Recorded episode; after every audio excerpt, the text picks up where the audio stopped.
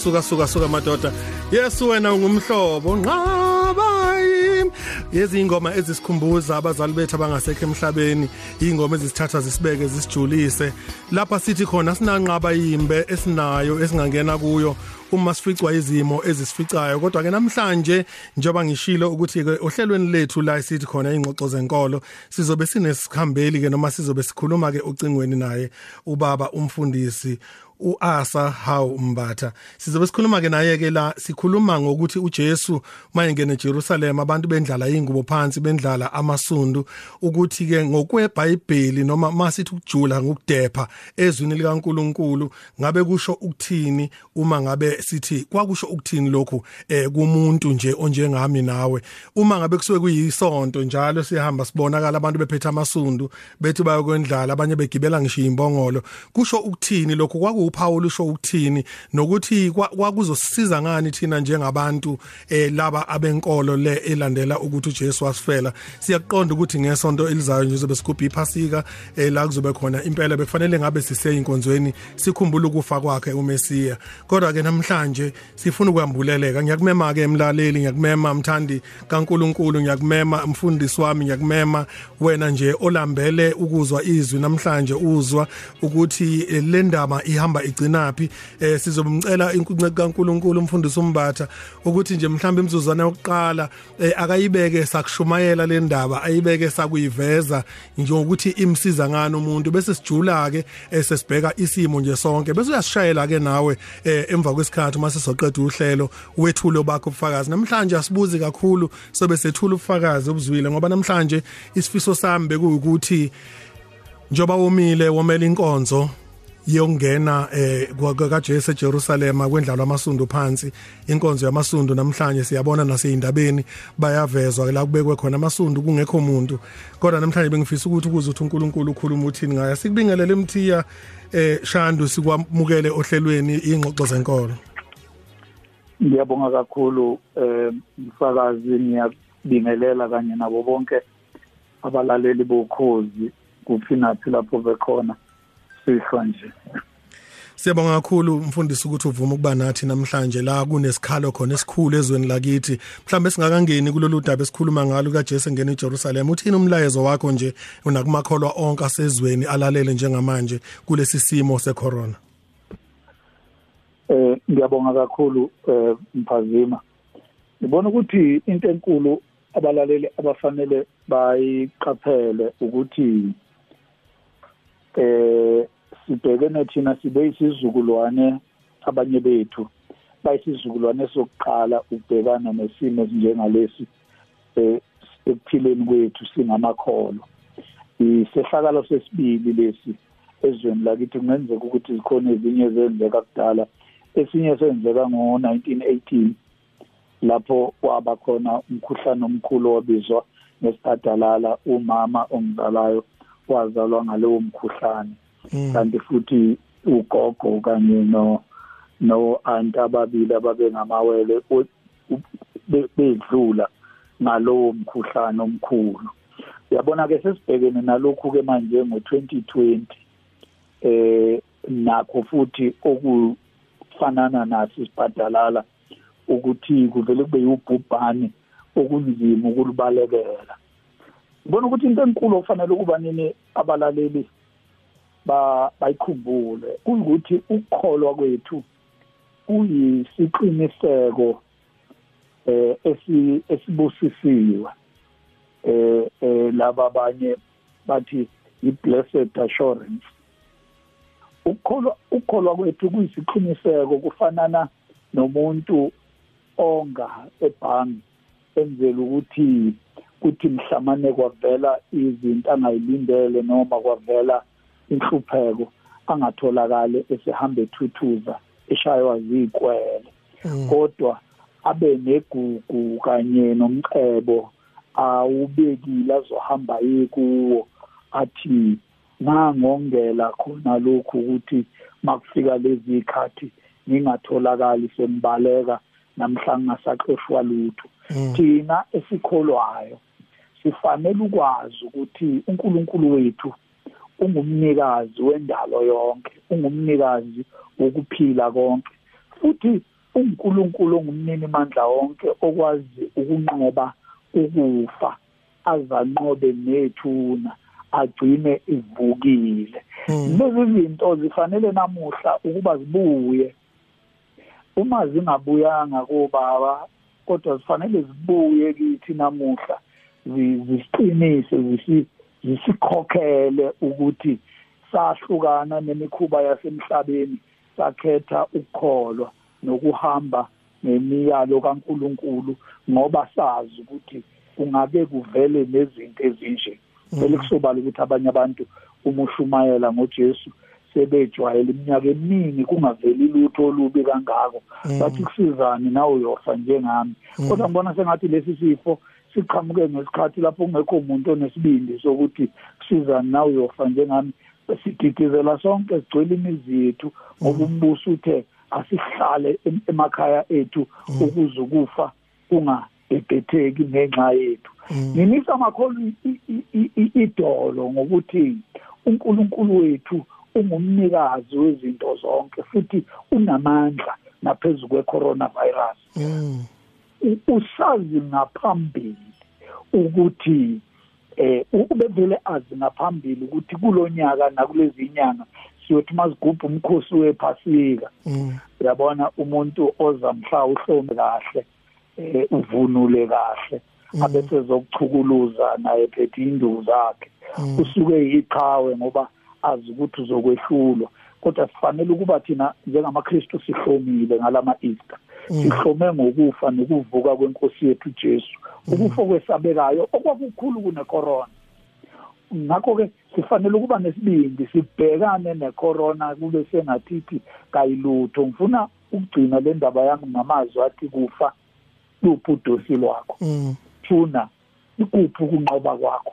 Udosi lweso lokufa isono amandla esono ngumthetho. Hmm. sifanele ukuba sime namhlanje sibheke icorona emehlweni sithi fika noma ungafiki usubathathile abanye abanye awuzokubathatha kodwa uphi ukunqoba kwakho? uJesu hmm. wavuka kwabafileyo. Akho ukubulala kwakho umzimba nokukhandla kwakho eh, eh, i-biological being yomzimba wami kakulutho ngoba sengalunga ngaphambili. Ngilungele wena ukuthi uma ufika ungabi surprise mm athi umpostoli Paul ungathi kuyambambezela ukuba kule umzimba uthi umpostoli uthi umpostoli siyazi ukuthi uma leli dokodo esikulo lidilizwa mm. sine sakhiwo esipheleleyo ngamanye amazwi uthi umpostoli siyazi ukuthi uma kudilizwa lo mjondolo mm. sizongena ku mansion Mm. eh ekuphileni okuphakade mm. Ngakho ke kufanele singabi ne singabi nokwesaba ukungena eh, entweni engcono kunento ebesikuyo sihlupheka sikhala fanele sibhekane necorona njengamaqhawe anesibindi ukuze sifike ngale amanxeba neyibazi zisesimongweni singabalekanga sashaywa ngemuva. Mm. Ngoba vele mfundisi noma ngabe bekungafikanga icorona vele imasonto wonke besifihla. Bebevele behamba abazalwane. Ngicabanga ukuthi kunjengobusho mphazima okukhulu kunakho konke ukuthi eh ukwelulwa kweinsuku zethu lapha emhlabeni usuke vele kunge uyazi ukuthi eBhayibhelini sifunda ngokuthi eh uLazaro wavuswa kwabafileyo. Mm. Kodwa uLazaro wavuka kwabafileyo wabuye wedlula emhlabeni. Mm kunjalo. Ngakho ke kufanele ukuba sazi ukuthi uku ukuphila kwethu kwanamuhla singalibali ukubheka ithuluzi esihambe ngalo mm. emhlabeni mm. esikhundleni sokuba sibheke ukuthi yikho lokho esasikulindele ukuthi vele sizohamba mm. Siyabonga mfundisi siyakuzwa siyathemba ukuthi umlayezo wakho udala ukuthi amakholwa agijima abheke empini abheke kuyo sengathi kukhona okwaphusha ngemuva azi ukuthi uma uNkulunkulu esevumile kodwa ukufa uswahamba phambili wabanqobela namhlanje mfundisi inkulungwane noma inkumbi zabantu bezizobe ziphethe amakhu amasundu. Eh namhlanje zithi isonto lamasundu basho njalo. Kodwa kubalekile ukuthi uJesu ungena eJerusalem. Ngizokudedela mfundisi usho okusenhlizweni yakho. Eh mhlawumbe imizuzu njengamanje ingamashumi amabili lishayile ihora leshumi. Mhlawumbe size sisondele lapha ko 22 angikunikeza nje 18 minutes. Mfundisi uyendlala le ndaba. Ngizobe sengena. Emva kwalokho ngizwe ukuthi eh mhlawumbe bakhona la sifica ucaciseleka khona mhlawumbe sesiyana nabalaleli. Kodwa ebe ngufisa kakhulu namhlanje kusemoyeni wami ukuthi nabalaleli kube ukuthi bethula ubufakazi ngokuthi bezwani ngalento esobe siyilalele. Nginibuyisela kuweke mthi Ngiyabonga kakhulu mphazima nabalaleli. Eh eBhayibhelini balaleli evangelini ngokaLuka isahluko seshumi elinesishiyagalolunye 19 uma ufunda kusukela kuverse 28 kuze kufike kuverse 44 kuxoxwa le ndaba yokungena kukaJesu eJerusalem esesikukhumbula iminyaka yonke futhi akuqali ngathi ukukhumbula nebandla lasendulo lalikhumbula. Lezi kwakuyizinsuku lapho kufanele ukuba kufezeke khona umbhalo neziprofeti lapho uJesu ayefanele ukuba phela angene ezweni lakubo noma emzini wakubo iJerusalem angene ezogcotshwa njengenkosi. Ingelosi yathi mayikezela kuMaria yathi uzawuzala inkosi uMaria futhi yathi ma ibikezela kubelusi yathi nizalele namuhla umsindisi onguKristu inkosi. Into eyabangela ukuba uHerodi athi ezazini ufuna zibuye zizomtshela ukuthi bamthole kuphi lo mntwana naye ufuna ukuyokhuleka kuyo uye wayethukutheliswe ukuthi kuthiwa kuzela inkosi kanti aziyena ukuthi inkosi nguye. Ngakho-ke uma ujesu esekwenzile umsebenzi wakhe eh eqhamuke ey'ndaweni ezehlukeneyo kuma-villages akubo wayefanele ujesu ukuba aye ejerusalem ayogcotshwa njengenkosi. Yilolu suku-ke lithi ibhayibheli waye eqhamuka ngasendaweni yamakhiwane eh kubhalwe ngolimo oluthi Bethfage kodwa empeleni kusho indawo yamakhiwane. Lapho uJesu ethi nxa esezofika e-, eJerusalem athumele abayalela ukuthi bangathola abafundi ithole lembongolo angathi ma e, bembuza bebabuza ukuthi li balisaphi babatshela ukuthi lifunwa inkosi eh bathi abachasisi beBhayibheli khathi simbe umnikazi wethole lembongolo waye ngomunye wabafundi benkosi ababengebona laba ababalwa babe yishumi nambili. Kodwa kungenzeka futhi ukuthi kumpe kwakungowalaba ababalwa babe ngamashumi ayisikhombisa.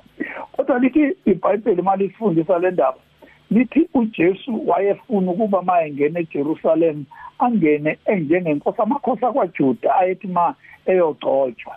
Agitsheliswe ithole lembongolo athi ma ehamba ngoba ngaleso sikhathi njengoba awethu amakhosi esehamba nezimoto ezimnyama nezinde eh ngaleso sikhathi kwakufanele ukuyusiko lwamajuda ukuthi ufanele ahambe nethole lembongolo ngiyazi ukuthi abanye abazalwane bathatha ukuthi ithole ugibela kaJesu ithole lembongolo kwakusho ukuzehlisa cha. uJesu wayefuna ukuba angene eyinkosi. Bonke abantu bembona ukuthi uyinkosi namhla ke uJesu uyongena eJerusalem. Lithi iBhayibheli abantu bajabula ngendlela engejwayelekile. Abantu bayaluza baphithizela. Asikhumbule ukuthi kwakukade kuthe makwakhiwa ithempeli kwakhiwa isango okwathiwa alizuvulwa liyoze livulwe mhla kwaqhamuka umesiya oyothi mayeseqhamukile angene ngalo engena ethempelini. Ngakho-ke le nto yayihlala iphila yedluliselwe izizukulwaneni nezizukulwane. Ngakho-ke namuhla uma bebona ujesu engena ejerusalem sekungena manje inkosi yamakhosi. noNkulunkulu uqobo lwakhe. Yilokho kokwenza ukuba nini kusuka isiyaluyalo bememeza abantu bethi hosana kweliphezulu ubusisiwe ozayo egameni lenkosi.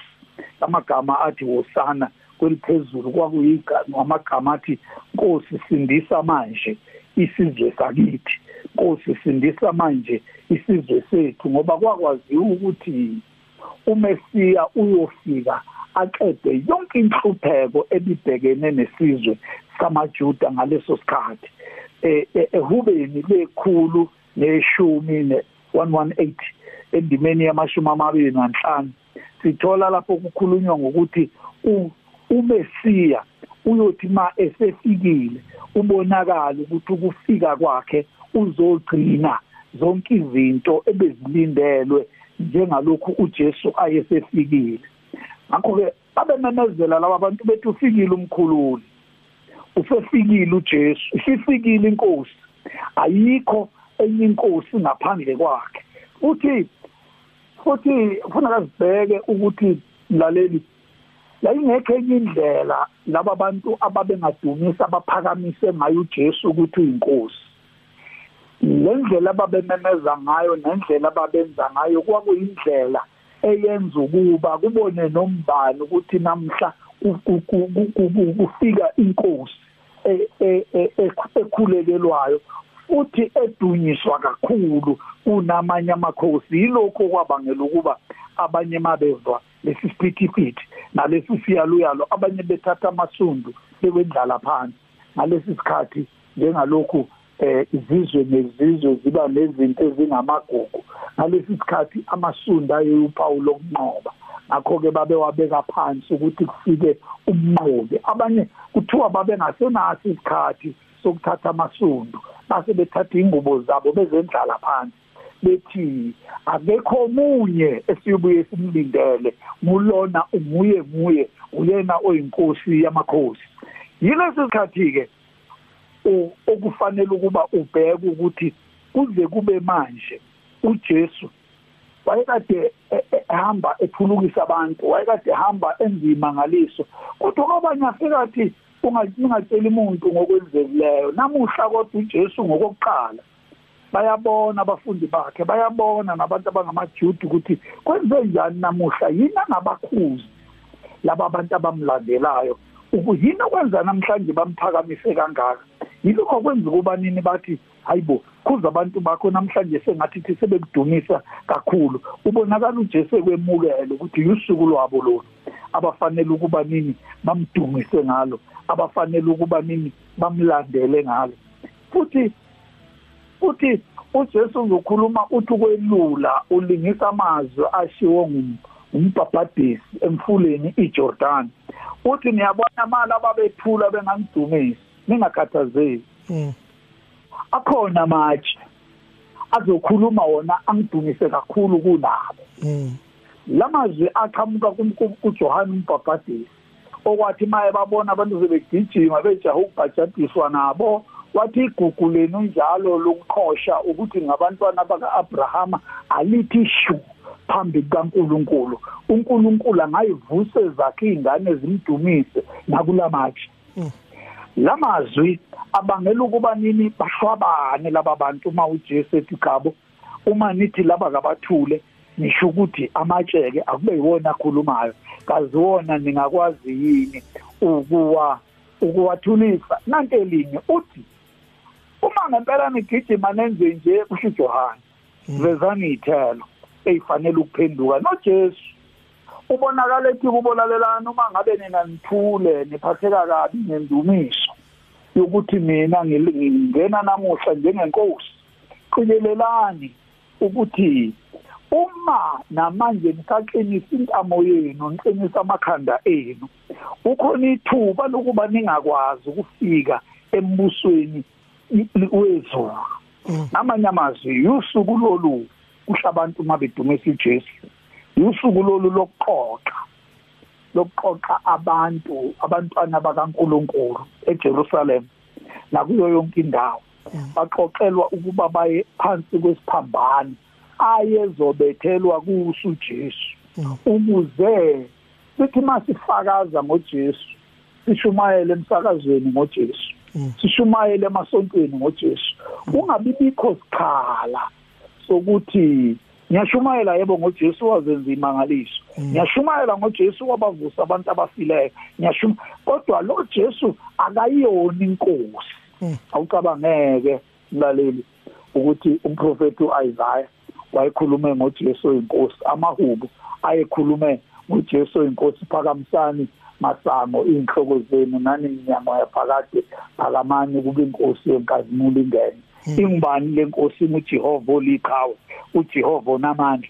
Kwakuzoba nesikhala sokuthi yebo nimazi njengomuntu owayenzima ngaliso niyamlandela kodwa wayengeyona inkosi. Kodwa namhlanje uJesu uzoba inkosi. Nante lokugcina mlaleli. Bathi laba bantu umbani yena lo muntu odunyiswa kangaka? Hmm. usanda kwenzani yena lo muntu odunyiswa kangaka? Bayamphendula asebemzwile nasebembonile uJesu ukuthi ukwazi ukwenzani empilweni yakhe. Bathi lo umprofeti uqobo lwakhe. Lo indodana kaNkuluNkulu. Lo nguyena ozawusitshela okuyintando kaNkuluNkulu. Ngiyabona hmm. ngiyabona balaleli uma ngabe ukushumayela kwethu ngoJesu kungakezwakali kuze kube manje kumpi corona izokwenza kuzwakala hmm. Uma ukushumayela kwethu ngoJesu sikwenza lokhu singabeke lutho sizolizuza ngokwethu kodwa sikwenza lokhu ngenxa yomyalo wenkosi othe asihambe imemezele le ndaba ukuze izwe lonke lisindiswe hmm. uJesu engene eJerusalem wayengenela ukuba umhlaba wonke ube phansi kubukhosi bakhe njengalokhu kwakunjalo kudalwa umhlaba. iJerusalem aliyuphawu lokubuswa kwendalo kwemvelo yonke ekhona. kodwa kwakungelona iJerusalem elipheleleyo ngoba kwakuyiJerusalem ebuye libe nabantu abamphikayo uJesu. Njengalokhu kwenzeka kubantu namuhla sebephenduke baba ngamakolo. Busu bathola sebebuza mawukhuluma ngoJesu ukuthi ubani yena lo Jesu? Uthi umhlaba namhlanje unalombuzo ukuthi ubani yena lo Jesu? Usanda kwenzani? Si-challenged manje noma sifakela inselelo kakhulu. Mm. abantu bethi apha amakholwa ubheke ne-corona yandiswa yiwo. Mm. awubheke chabo chabo kakunjalo umuntu kaNkuluNkulu. uJesu lo uyindodana kaNkuluNkulu ophilayo futhi uyikuphila kubo bonke abamemukelayo. Mm. uyikuphila kubo bonke abavuma igama lakhe. Ungumthombo kamoya ongcwele ngaphandle kwakhe singeke simbone uNkulunkulu. Eh siyabonga siyabonga mfundisi. Eh ngizwile la ngasekuqaleni ukhulume ukuthi eh ukuhamba kaJesu mayigibela ithole. Emlaleli uzosishayela 0893109193 egibela ithole lembongolo ngike ngayibona intshumayelo eziningi abantu bekuveza ngokuthi uJesu wayehlela kubantu abangekho ezingeni eliphezulu ngokugibela ithole kodwa ulichaza ngokuthi kwakungekhona lokho. Mhlawumbe uma ngathi ukucacisa futhi ukugcizelela ukuthi ubuthini? Amakhosi amakhosi umsakazi akwaJuda. Uma eyogcotshwa kwakuyaye kulungiswe ithole lembongolo elisha mm. elingakaze ligitshelwe umuntu mm. bese ke kuthathwa lelo thole lembongolo agitsheliswe inkosi ukuze mayiqhamuka kubone nombani ukuthi inkosi impela lena izo izo izo gcotshwa ukubithabathe ubukhosi bayo.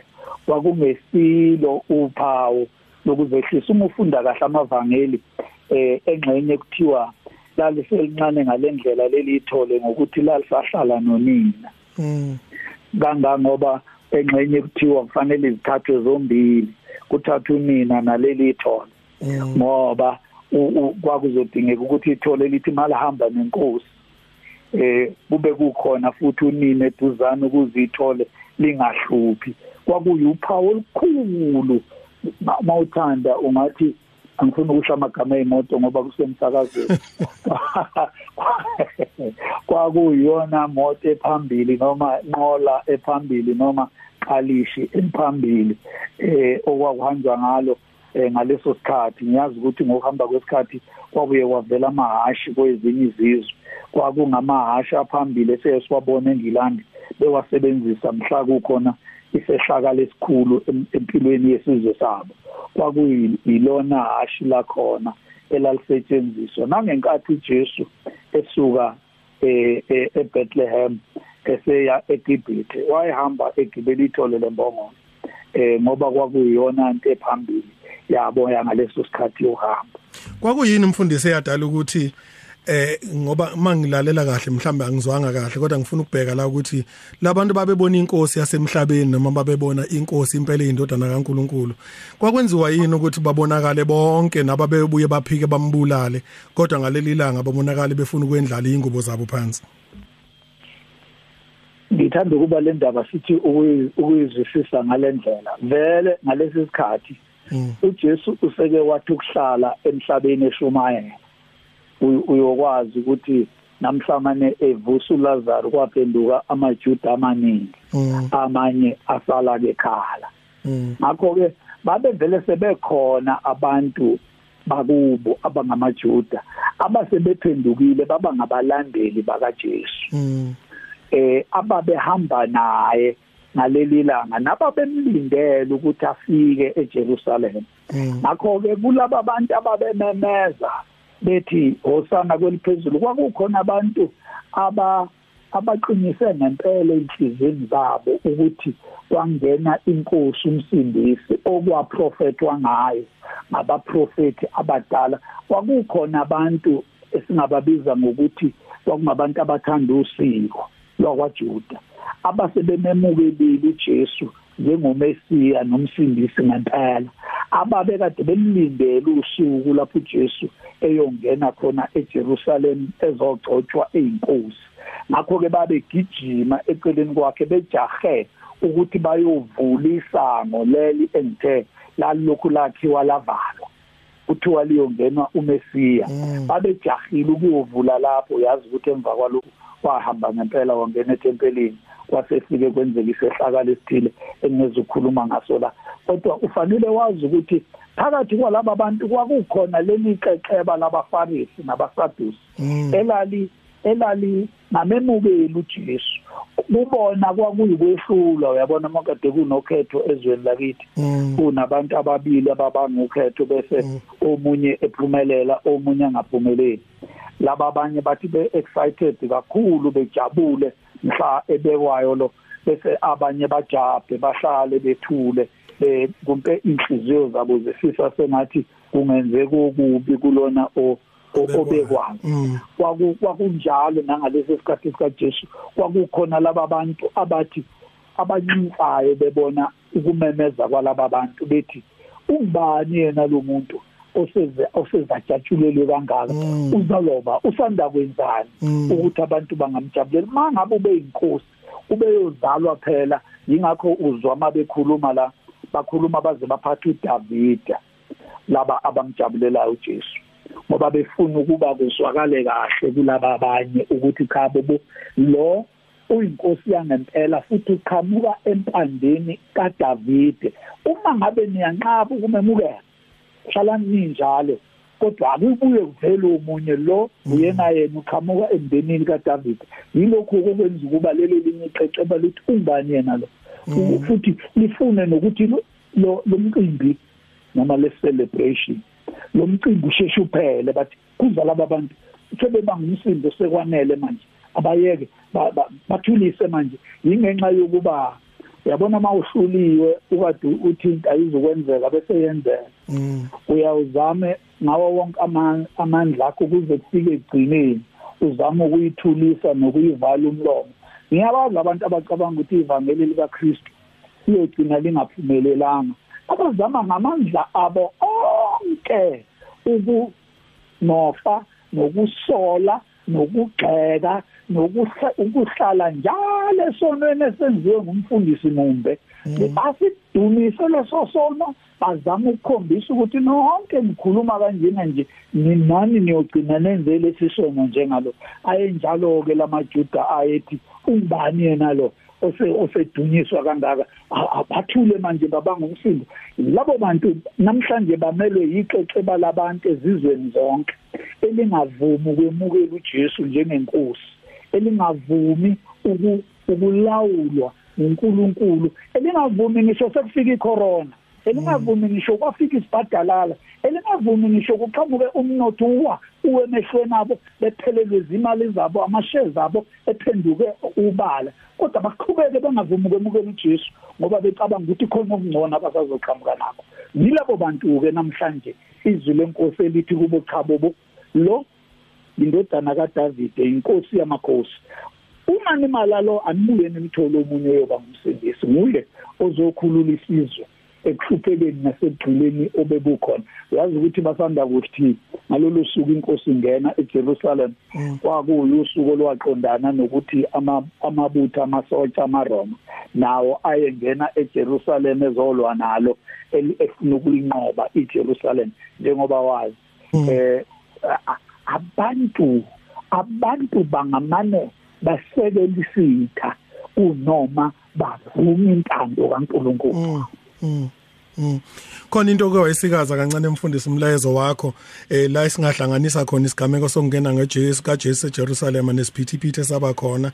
Nokungena kaJesu empilweni yamuntu mhlambe ngemzuzu emibili nje bengacela ukuthi ukuthi ukuthinta kakhudlwana kuleyo ndaba. Uyabona msakazi uma uJesu engena empilweni yomuntu. Ziyashintsha izinto. Akube kusaba ibusiness uh, as usual. Futhi akube kusaba njengoba bekunjalo izolo. Uma uJesu engena empilweni yentombazana noma yensizwa noma kababa noma kamama uma uJesu engena empilweni babona masishane bonke abantu uguquko. Ukuthi kukhona osekwenzekile kulomuntu abanye baze babuza ukuthi sekwenze njani? Kuveleni uyagula yini? Yini esivelile? Ngenxa yokuthi ukufika kukaJesu empilweni yomuntu kuqala i-chapter elisha mm. noma kuqala iphepha elisha. Aqhubeki njengoba beqhubeka izolo. Imikhuba ebikade kwethengelwe kuyo nebikade ilandelwa iyema. Uqale ukuphila okusha. Lokhu akekho umuntu okwafika uJesu empilweni yakhe ongeke akwazi ukusukuma afakaze athi impela mhla uqaqa kimi ngoNkulunkulu uqaqa kimi ngoJesu impilo yami yashintsha ikusasa lami ngalibona ngenye indlela. Izinto engangikade ngizesaba ngayibona seziyubala. Izinto engangikade ngicabanga ukuthi izona ezibalulekile zaphenduka indiva ngoba ngase ngazi ubukhulu bokumazi uJesu empilweni yami. Kuba njalo ngisho emzini indoda mayemukela uJesu ifika ingibaba ohluke kabi kunobaba ohamba ekseni mm. inkosikazi mayemukela uJesu ifike inkosikazi ohluke kabi kubaba ophuzayo uma isiyemukela uJesu. Ingane esiyemukela uJesu ifike ekhaya ingcenye mina ngithi ingcenye ngishiwunga ngisho ama drugs ngisho imikhuba isuke imile ngempela ngoba kusuke kufike umkhululi ozokhulula abantu bakhe ezonweni zabo. Mm. ngaleli langa bethi wosana kweliphezulu babesho ngempela ngempela ngoba babebona ukuthi ufikile umkhululi. Ukhona amagama amaningi namaculo amaningi amaKristu akhuluma ngendaba yomkhululi yabona yabona umsakazi uma uma isizwe sakithi singavumi ukwemukela ukukhululwa nguJesu akukho themba ngathi mm. futhi uma abantu abasontayo bengavumi ukuthatha isinyathelo sokukhululwa beya nje beyoyikhalela kodwa bengavumi ukukhululwa akukho themba. Uma uma ukwethembela kwethu kuKristu ungasho ukukhululwa nathi singabokukhalelwa unabo bonke abantu. Mm. Mfundisi siyabonga kakhulu ngizokukhulula sibonga kakhulu umlayezo siphe wona. Ngicabanga ukuthi ke ku 0893109193 bazobe bethula ufakazi abantu. Ziningi into oyithintile mfundisi. Ikakhulukazi ngiyajabula mawuthinta indaba yesimo sebandla uthinta isimo sezwe lakithi eh ngesonto edlule sikhulume kakhulu ngokuthi ngabe senze okufanele njengamakholwa. Eh uthi ke uJesu mayengena bekufanele kube noshintsho angabi khona uJesu kuqhakambisa ukuthi sinawo uJesu sinoJesu sinenkosi yethu kodwa sibe siqhubeka nemikhuba yethu yakudala kukhona nje into umsakazi ungakangikhulule engifuna ukuyiphawula lapha uyabona ezinye zezimpawu ezikhomba ngempela ukuthi sidinga umkhululi mm. manje kule kuleli veki noma kulolu suku kulesi sikhathi mm. uyabona indlela esesikhulume ngayo ngendaba yesifo lesi. Abanye bethi cha isifo esaqalwa ngamashayina ngobefuna ukubamba iminotho yamazwe. Abanye bethi kwaba yilokho abanye bethi basobhani imijovo ezayo. Abanye bethi basobhani uyabona indlela esi gijima sishayana ngamakhanda ngayo kulezi insuku ikhomba kimi ngokusobala ukuthi akekho umunye ongasisiza nongasikhulula nongasiphilisa nongasivikela ngaphandle kukaJesu inkosi yamakhosi akekho umunye ngiqinisile uyabona awucabange uma uza uza nekhambi uthi uzongelekelela ngoba eh kukhona isifo eh ozongisiza ngaso uthi angiyosiza umfundisi mm. eh sengizwile ukuthi nanti ikhambi. Uthi uma ufika nalo lelo khambi la ekhaya nithi cha lakhi ngiyakwazi bathume wena ukuthi uzongibulala. Awucabanga ukuthi awucabanga ukuthi kuzoba njani empilweni yethu izinto ezizosuka phakathi kwethu?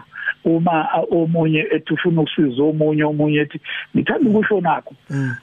uNkulunkulu wethu ungumkhululi wangempela. Umcabanga kwethu nokusola kwethu nemidlinzo yethu iyubala into esifanele siyenze kuyikuyinikela kumkhululi mm. owazokhulula isizwe uye ozokhulula imvelo okhuvetheni lwesifo esibhubhisa idalwa zakhe mm. uye ozokhomba indlela futhi amasu obumnyama angahle akhiwe ngabanye ngoba bethi bafuna ukuqeda iAfrika.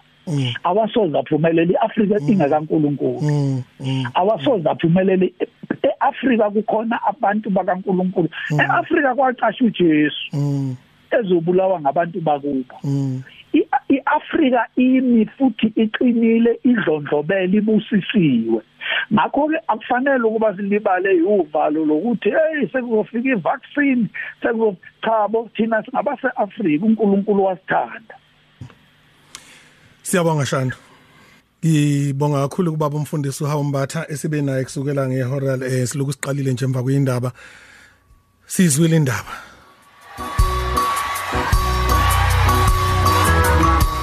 zero eight nine three one zero nine one nine three sishayeleke eh usho noma yini esenhlizweni yakho ngalamazwi ade sikhuluma ngawo namhlanje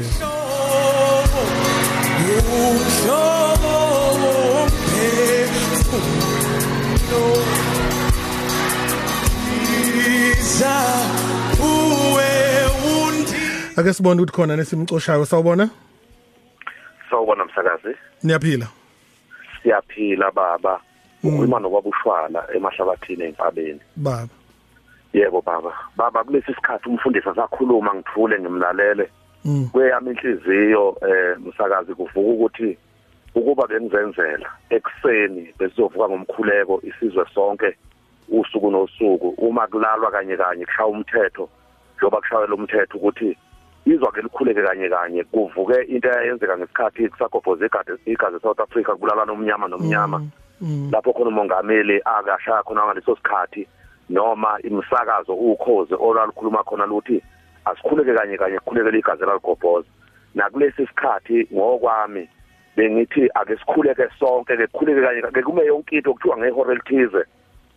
Umuntu wonke wase South Africa uyakhuleka kumi yonke into. Ngoba kuyiqiniso kusho umsakazi ubaba ubaba uhawu akukho okunye kulesi sikhathi okuzosisiza ngaphandle kaNkuluNkulu ngaphandle kwezwi lakhe ngaphandle komkhuleko. Baba ukuba isikhathi besikuvumela bengizocela ukukhuleka ngoba lento angazi ngake ngiyisizwa. Khuleka baba khuleka. Baba wethu ingcwele nonguyise wenkosi yethu uJesu wena wedwa unguNkulunkulu ohlala enkazimulweni unguNkulunkulu ohlala endumiseni yakho ngalesi sikhathi uNkulunkulu oyingcwele izwe linje wena wedwa oyimpendulo basho njalo mabehlabelela abantwana bakho bathi wena uyimpendulo ezweni lonakeleyo nami ngalesi sikhathi uNkulunkulu oyingcwele ngingelutho ngumuntu nje ozelwe ngwesifazane umuntu odelelekile nongelutho kodwa ngiyabona ubuNkulunkulu bakho ngiyawabona amandla akho wenzile izwe lakithi eSouth Africa ngesikhathi esinzima. Lapho umuntu omnyama ebulala omunye omnyama igazi ligobhoza ubusuku nemini ngamandla akhe apheleleyo wakwenza ukuthi lokho kuthule kuthi du nangalesi sikhathi uNkulunkulu onamandla ngiyakhuleka egameni elihle lenkosi yami uJesu ukuthi konke lokhu kuthule kuthi du ukufa konke okwenzakalayo nosekukhulunyiwe ngakho izinto zonke imizamo yonke baba siyasanitize sifaka izamfonya senza konke kodwa konke kakusebenzi. Okusebenzayo nokupheleleyo izwi lakho. Ngakho uNkulunkulu namandla kulesi sikhathi. Uthi wena ezini lakho ngokwalithanda izwe kangaka waze wanikela ngendodana yakhe ezelwe yodwa ukuba yilo nalowo kholwa yiyo angabhubhi kodwa abe nokuphila okuphakade. Ngakho baba lelo gazi naleyo mvimbi nalokho kukhafulelwa ngamathe lobo buhlungu wabuzwa kwangenxa yokona kwethu. Ngakho baba siyanikela ngakho konke okwethu sithi baba sikhiphe kulolu taku baba bekuyindlela ukusilanda uma indodana yakhe ingasabhekeki kuthiwa uNkulunkulu engcwele yachela eduze kwakho wena wachela kuyo yakhala yona yathi uNkulunkulu wami uNkulunkulu wami uNkulunkulu wami ngishiyelani na nathi sisho njalo kulesi sikhathi ukona kwethu kwenzile ukuthi wena uqhelelane nathi usuke eduze kwethu kodwa siyakhala uNkulunkulu engcwele sithi uNkulunkulu wethu uNkulunkulu wethu uNkulunkulu wethu uphinde ukusibheka usephule uNkulunkulu namandla. Uma besonile ngene enhlizweni nasengqondweni zethu. Senze kahle ukuze uNkulunkulu namandla sibe ngabathethelelweyo nakulokhu kufa. Egameni elihle lenkosi yethu uJesu Kristu waseNazaretha ngiyabonga baba ukuthi sizosinda. Kusuka manje kuze kube phakade. Amen. Siyabonga baba. Khosi sawubona.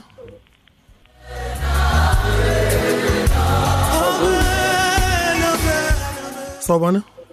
Mphazema yebo. Awu mfowethu wabeka wafaka indoda e, enobuchopho bukaKristu ubaba uhawumbatha mm. wayendlala le ndaba ukuthi inkululeko epheleleyo ikuKristu uJesu mm. akukho lutho esiphikisana nalo olumenyezelwa uhulumeni nalo nabalwa nakho abakushoyo abanye abaphikisana nakho kodwa asibambisane kulokhu ukuthi inkululeko epheleleyo ezosusa ukuqindezeleka phansi phaka kubantu base South Africa kubantu bomhlaba wonke leyo nkululeko ikuKristu Jesu mm, mm. inkosi yamakhosi siyabonga mphazima ukuba unikeze ithuba indoda enjengohawu umbatha Mm. ukuba ikhulume kanje umfundisi uJM Sbiya lo ekakaramba lakwaZulu Natal la eduze kwasesikhaleni. Inkosi ibusise mfowethu. Danke sodobe khosi sawubona? Mphazeni yebo. Awu iseyinhle inkosi nasebusuku. Amen. Eh umxolisi lo umalevo isibongo. Mm. Eh mphazema eh, siyabonga ukusilandela ikhesha lasekhaya. Mm. Eh likhulume kahle ngoba kahle kahle into efunekayo la ukuthi njengoba sihleli la emakhaya umuntu bese eyamfuna ubaba uNkulunkulu. Mm. Ngicabanga ukuthi lesikhathi isona sikhathi sokuthi la uhleli khona kuleyo nje kuye kufuze ube mhlambe amakhono siwazi wonke ube mezuba uNkulunkulu. Mm. Because uma sizosuka kuye manje igciwane leli makuthi likhona angeke lize zinyamalale kodwa ngoJesu simkhonzayo ngoba uyena yedwa noma zingakhona ezinye izinto kodwa elakhe igama limila lishintshe aliguquki so siyabonga kakhulu mphazini ngiyabonga kakhulu bhuti wami uphile nje. Thank you tata thank you. Khosi sawubona Yebo mphazima ntani? siyaphila unjani? Ngikhona ukhuluma noNdlunkulu Navara ngilaka nongoma. yebo ma. Yebo siyabonga kakhulu nje kuba bumbatha. Amazwini asewakhulumile kuyavuka nakuthina ukuthi ikahle kahle. Kwalona igazi lika Jesu liyafuna silihloniphe. Mm. Ngoba ilona elasihlaza. Kuyavuka ukuthi konje uma ngizwa umphimbo wami ubhlungu kufanele ngingadumali kakhulu kodwa ngisho ngithi ngithathile emanxebeni kaJesu mm ngesikhathi ekade bemphuzisa uvinika njengamanje uthi yena asihlale kuyena naye uzohlala kithi ake sikhohlwe ngokomhlaba ngathi sesilibele nguye. Kuko konke lokho okwenzakalayo ngike ngasho ngelilanga ngathi uthema yethu uyofika njengonyazi asazange ukuthi kuyoba nyazi oluyobe luku kanjani Mm. kodwa kuloko sekwenzakala njengamanje. Sengisola ngathi mhlambe sekuyilona unyazi. Uqinisile ubaba ushalama ekhuluma ngokuthi mhlambe mangingabekwa isikhathi sokuthi ake kuthiwe nje ngesikhathi esiwukuthi ake siyekeni konke ke sikhuleke sibhekise kuyena ngoba akekho omunye esingakhuluma naye futhi akukho okunye okungasisiza ngaphandle kwakhe uNkulunkulu wadala izulu nomhlaba waselihlobisa ngathi kodwa thina ngathi sesikukhohliwe lokho Mm. uNkulunkulu asibusise siyacela sifase ngepande lodwa likamoya ingcwele shise sehlisele umoya wakho ingcwele ovela ezulwini ngiyathokoza bamphazimi Amen. Sithatha ukugcina sawubona ukhozi. mphazeni Yebo sawubona. yebo mphazeni asiyokhuluma nasabela abantu bezambithela kewani Yebo sabe. Mphazeni asiyathinteka kakhulu. Eh sibonga nje baba eh usithinte kakhulu eh nokwakha eh nokusinika isibindi Mm. esimeni esibhekane nesizwe. Eh singabhekani nesizwe samakristu kuphela sibhekane nesizwe sisonkana ngayo zonke izinhlelo ze- zenkolo ezikhona. Eh usiqinisile kakhulu yebo ke asinakwazi ukuhlanganyela eh, ezinkonzweni sibebaningana kepha umbuzo uthi siyazinika yini umzuzwana eh, wokuhlanganyela nenkosi yamakhosi engukristu uwedwa uxhumana nenkosi ujule uhlangane nenkosi uwedwa uthambisa ngabi lakho Mm. ngoba alikho elinye ithemba.